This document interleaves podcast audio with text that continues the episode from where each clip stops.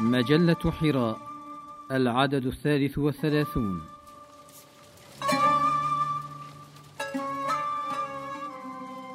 الإيمان باليوم الآخر رؤية قرآنية لوظيفته الإصلاحية بقلم الأستاذ الدكتور زيد بوشعراء.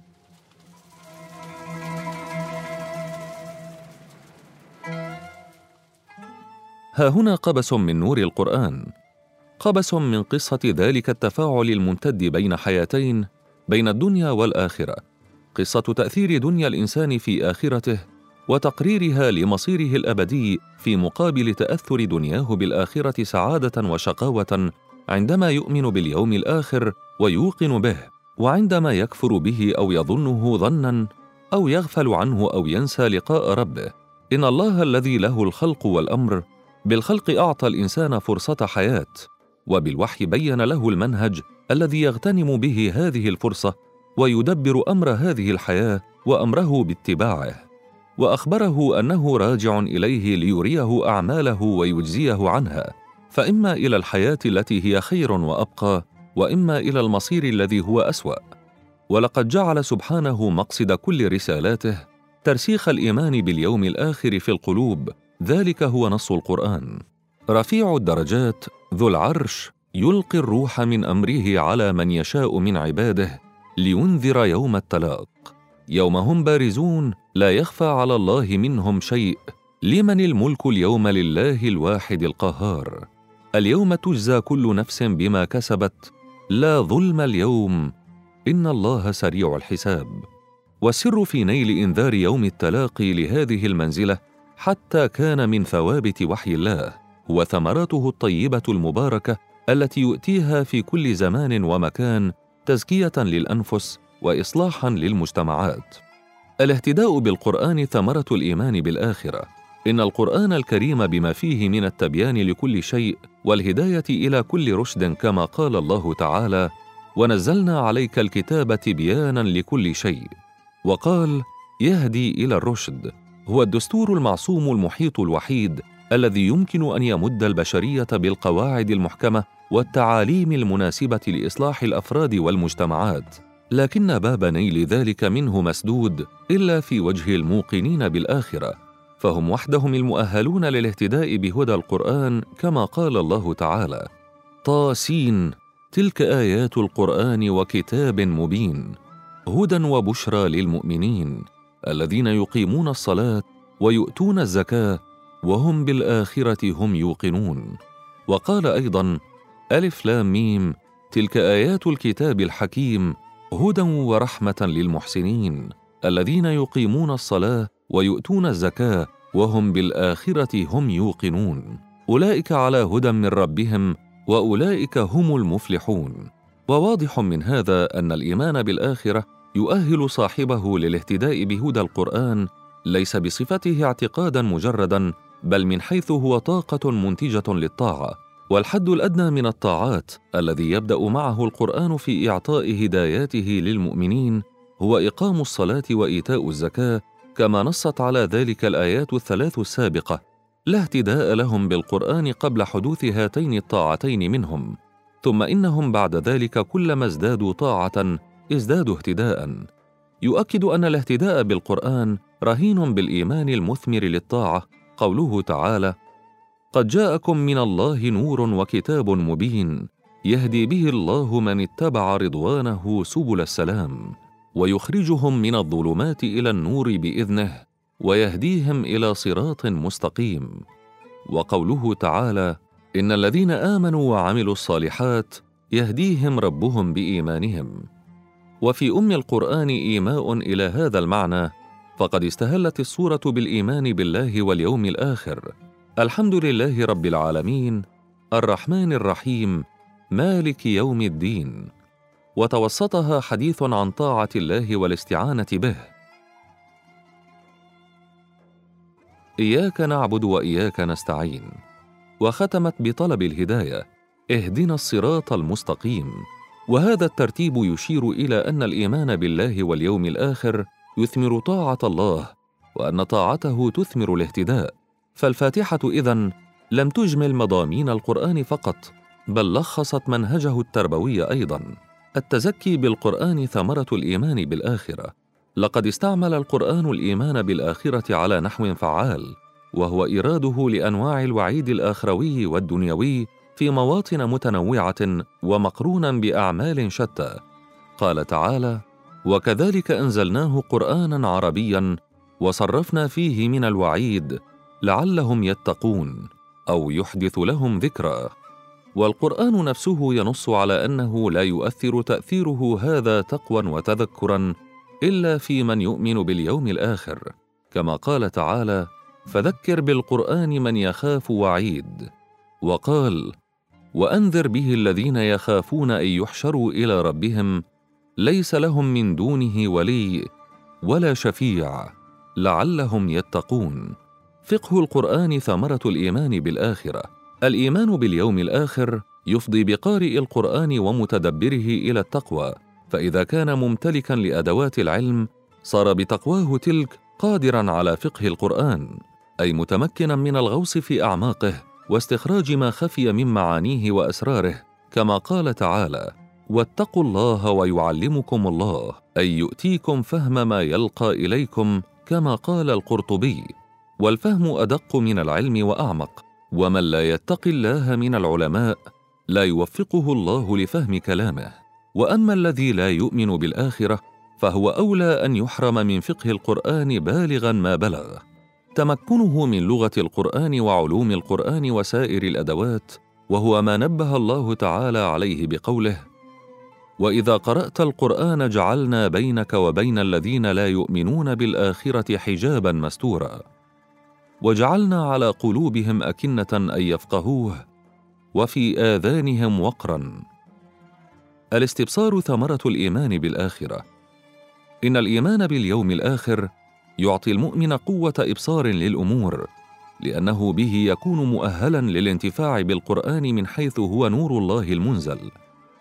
وأنزلنا إليكم نورا مبينا فبالقرآن يجعل الله له نورا هو الذي ينزل على عبده آيات بينات ليخرجكم من الظلمات إلى النور فهو ذو بصيرة يرى بنور القرآن الأمور والأعمال كما هي يرى السوء سوء والحسنة حسنة والحق حقا والباطل باطلا لا يلتبس عليه شيء من ذلك فهو على بينة من ربه ويقابله الذي لا يؤمن بالآخرة فهو بحرمانه نفسه من نور القرآن لا يرى الأمور كما هي بل وعيه ملتبس وتصوره مقلوب السيء عنده حسن والحسن سيء كما قال الله تعالى أفمن كان على بينة من ربه كمن زين له سوء عمله واتبعوا أهواءهم. وقد نص الله تعالى على أن السبب في حرمانه من البصيرة هو كفره بالآخرة فقال إن الذين لا يؤمنون بالآخرة زينا لهم أعمالهم فهم يعمهون.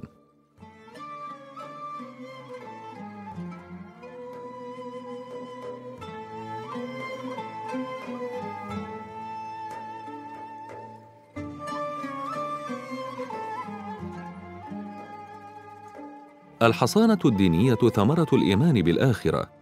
قال تعالى ولقد صدق عليهم إبليس ظنه فاتبعوه إلا فريقا من المؤمنين. وما كان له عليهم من سلطان إلا لنعلم من يؤمن بالآخرة ممن هو منها في شك. وربك على كل شيء حفيظ. تشير الآيتان إلى أن سلطان الشيطان ليس على المؤمن بالآخرة وإنما هو على من يشك فيها. أما المؤمن بالآخرة فبأهليته للاهتداء بكلام الله يجد فيه إذا تلاه أو استمع له أو تدبره الذكرى كما يجد فيه البيان لأسباب الاستقامة والثبات وأسباب الزيغ والارتداد والبيان لمصايد عدوه الشيطان ومكايده. ويعلم أن الله إذا أمر بشيء أو نهى عنه فهو الحق. وأن كل ما يخالفه مما يخطر بباله أو تهم به نفسه إنما هو من الشيطان. إذ دلالة كون الخاطرة وسوسة شيطانية أن الشيطان ينهى عما يأمر الله به ويأمر بما ينهى الله عنه ويزين سوء العمل ويكره حسنه ويعد بضد ما يعد به الله تعالى. ومن ثم فإن الشيطان لا يتمكن من قلبه على الدوام. فإن إيمانه وتواصله مع القرآن يجعلان وقوعه في شراك الشيطان قليلا ومؤقتا كما قال تعالى إن الذين اتقوا إذا مسهم طائف من الشيطان تذكروا فإذا هم مبصرون. ويؤكده أن نفي سلطان الشيطان على المؤمن جاء في سياق الحديث عن قراءة القرآن الكريم المقرونة بالاستعاذة من الشيطان الرجيم كما قال تعالى فإذا قرأت القرآن فاستعذ بالله من الشيطان الرجيم. إنه ليس له سلطان على الذين آمنوا وعلى ربهم يتوكلون. لكنه كلما قلت صلته بكلام الله كثر اتباعه للشيطان.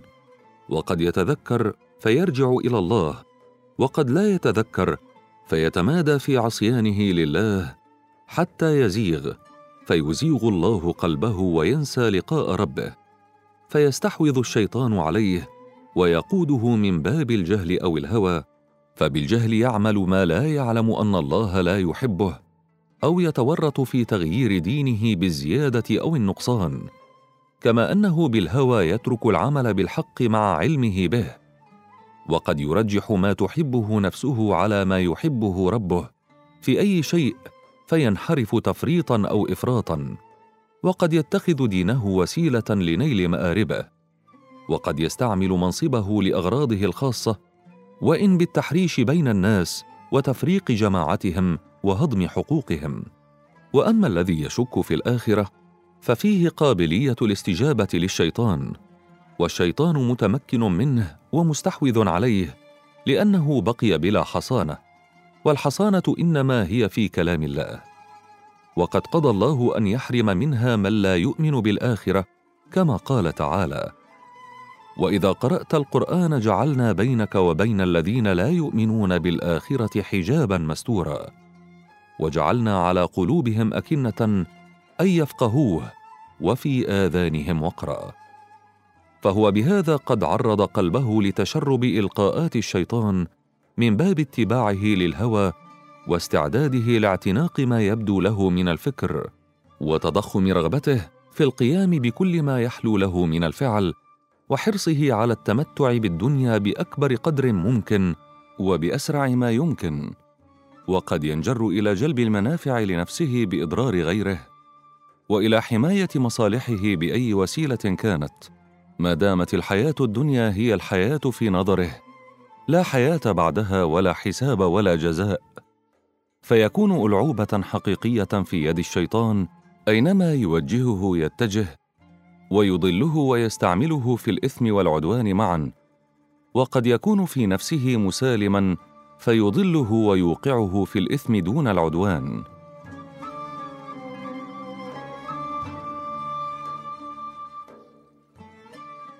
الإرادة ثمرة الإيمان بالآخرة. إن الإيمان بالآخرة ينشئ في القلب الإرادة التي تدفع إلى فعل ما ينبغي فعله واجتناب ما ينبغي اجتنابه. ينشئ فيه الطاقة الروحية المنتجة للمصالح والرقابة الذاتية المانعة من المفاسد. الإيمان بالآخرة دافع إلى الخير ويدل على ذلك أن القرآن ساقه على سبيل التعليل لأفعال العباد وعلى سبيل الترغيب في فعل الطاعات والترهيب من تركها ومن إشارات القرآن في ذلك. إن الاستجابة لله تتحقق بدافع الإيمان بالله واليوم الآخر كما قال تعالى يا أيها الذين آمنوا استجيبوا لله وللرسول إذا دعاكم لما يحييكم واعلموا أن الله يحول بين المرء وقلبه وأنه إليه تحشرون وأن الإيمان بالآخرة يدفع إلى أكثر من الاستجابة يدفع إلى الاستزادة من الخيرات والمسارعة إليها والتقرب بالنوافل. قال الله تعالى امن هو قانت اناء الليل ساجدا وقائما يحذر الاخره ويرجو رحمه ربه. وان الايمان دافع إلى المحافظه على الصلاه التي هي عمود الدين والى عماره المسجد التي هي عمود العمران. قال الله تعالى في بيوت أذن الله أن ترفع ويذكر فيها اسمه يسبح له فيها بالغدو والآصال. رجال لا تلهيهم تجارة ولا بيع عن ذكر الله وإقام الصلاة وإيتاء الزكاة. يخافون يوما تتقلب فيه القلوب والأبصار. ليجزيهم الله أحسن ما عملوا ويزيدهم من فضله. والله يرزق من يشاء بغير حساب.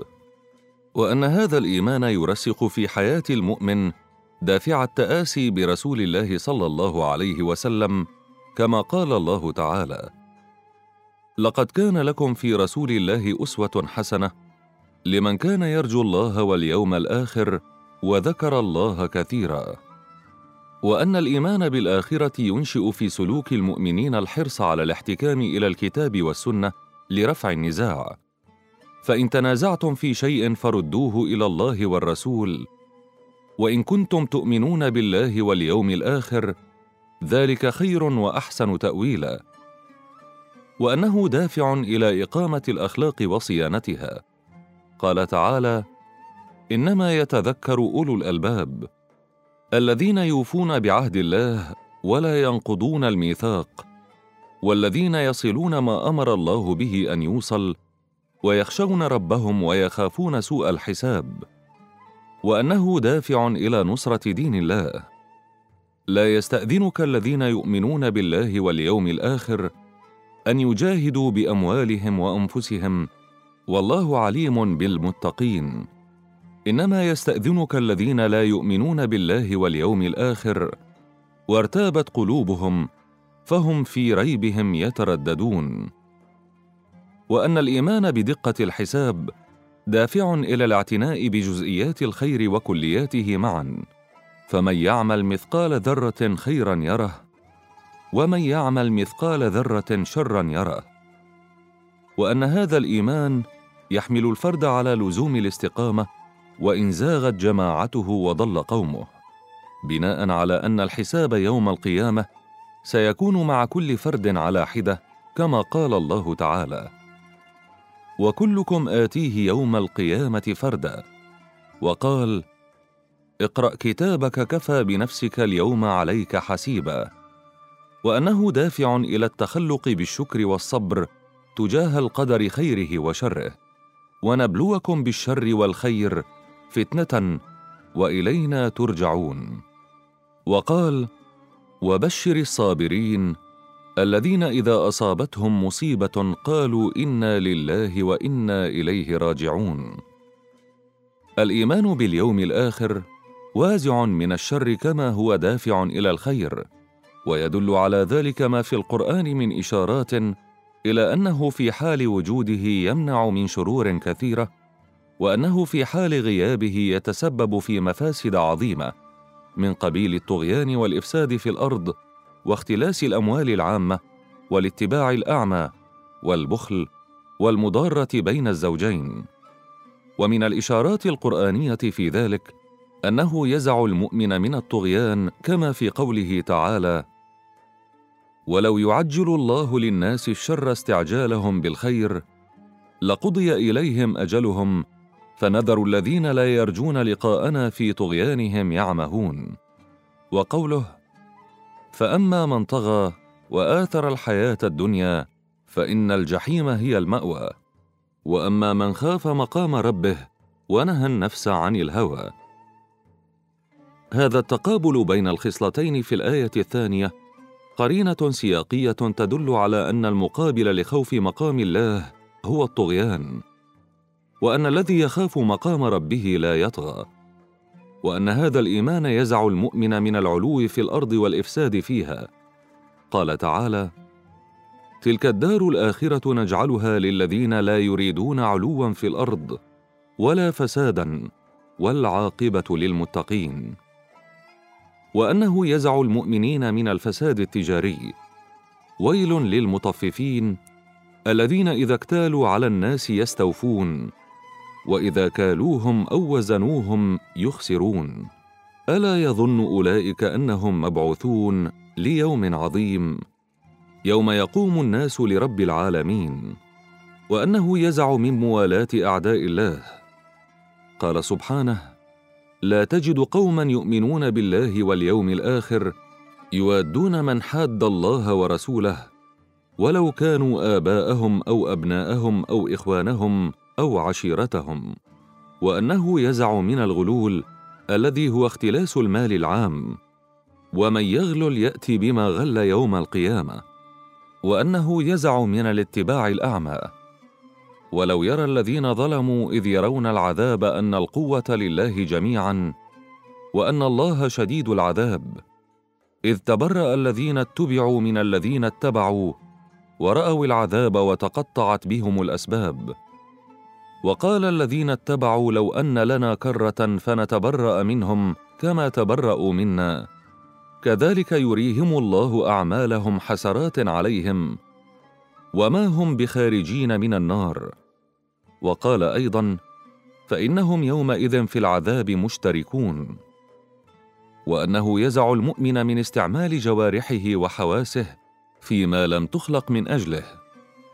لأنها ستشهد عليه يوم القيامة في حال أدخل عليها الضرر وغذاها بالخبائث وفي حال وظفها في الإضرار بغيره في دينه أو دنياه.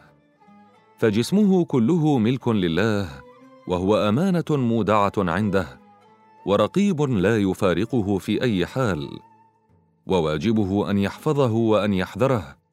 وفي هذا قال الله تعالى إن الذين يرمون المحصنات الغافلات المؤمنات لعنوا في الدنيا والآخرة ولهم عذاب عظيم. يوم تشهد عليهم ألسنتهم وأيديهم وأرجلهم بما كانوا يعملون. يومئذ يوفيهم الله دينهم الحق ويعلمون أن الله هو الحق المبين. هذا الإيمان من حيث أنه قوة نفسية مثمرة للمعروف ووازع ديني مانع من المنكر سماه القرآن الكريم مقام الله أي خوف حلول غضبه في الدنيا والآخرة. وقد جعله أصل كل صلاح وتقوى ومفتاح كل خير وبر بدليل أن الله تعالى في سور عدة من كتابه جعل استحقاق دخول الجنة راجعا إلى اكتساب خصال صالحة كثيرة. كلها مصالح يحتاج إليها الفرد والمجتمع. ثم أرجع في سورة النازعات اكتساب تلك الخصال إلى سببين هما خوف مقام الله ونهي النفس عن الهوى كما قال الله تعالى وأما من خاف مقام ربه ونهى النفس عن الهوى فإن الجنة هي المأوى. ثم أرجع في سورة الرحمن السببين إلى أولهما فقال ولمن خاف مقام ربه جنتان. فأكد أن خوف مقام الله هو الأصل وأنه هو الذي يجعل المؤمن ناهيا لنفسه عن الهوى أي عن حب الدنيا وإيثارها على الآخرة. فإنه يمنع من الامتثال لأمر الله أو يؤخره. فنهي المؤمن نفسه عن الهوى هو ترجيحه طاعة الله ورضوانه على اتباع هواه. وحمله نفسه على لزوم طاعته وعدم الرجوع عنها. وعندما يفعل المؤمن ذلك يكتسب صفات المؤمنين المتقين التي ذكر الله أنهم يستحقون بها دخول الجنة. فيكون الإيمان باليوم الآخر أو خوف مقام الله هو السبب في كل تحول يحبه الله ويرضاه. نص عليه في كتابه أو نطق به رسوله صلى الله عليه وسلم. إن السر في هذا الإيمان إذن هو ثمراته تلك التي خلاصتها إصلاح الإنسان من داخله ليصلح في نفسه ويصبح للناس سبب نفع ومصدر سلام. فإنه لا صلاح لكسب الإنسان قبل صلاح قلبه ولا يصلح القلب والكسب معا إلا بالإيمان بيوم الحساب ولا يكون الإنسان مباركا إلا به. إن المسلمين يوفقون تمام التوفيق عندما يعاملون الإيمان باليوم الآخر بنحو ما عامله القرآن وينزلونه المنزلة التي أنزله ويوظفونه التوظيف الذي وظفه. إنهم يوفقون عندما يجعلونه روحا لكل برامجهم الهادفة إلى بناء الإنسان كما جعله الله روح كل كلامه المنزل. منذ قوله تعالى إن إلى ربك الرجعى وهي من أوائل ما نزل إلى قوله واتقوا يوما ترجعون فيه إلى الله. وهي من أواخر ما نزل ويخرجون هذا الإيمان من حالة كونه طرفا من علم عقيم يورث ويلقن لطلبة التعليم الديني ومجرد اختصاص يمارسه الوعاظ بالمساجد ومجرد درس من دروس التربية الإسلامية يلقى على التلاميذ في مرحلة ثم ينسى في سائر المراحل.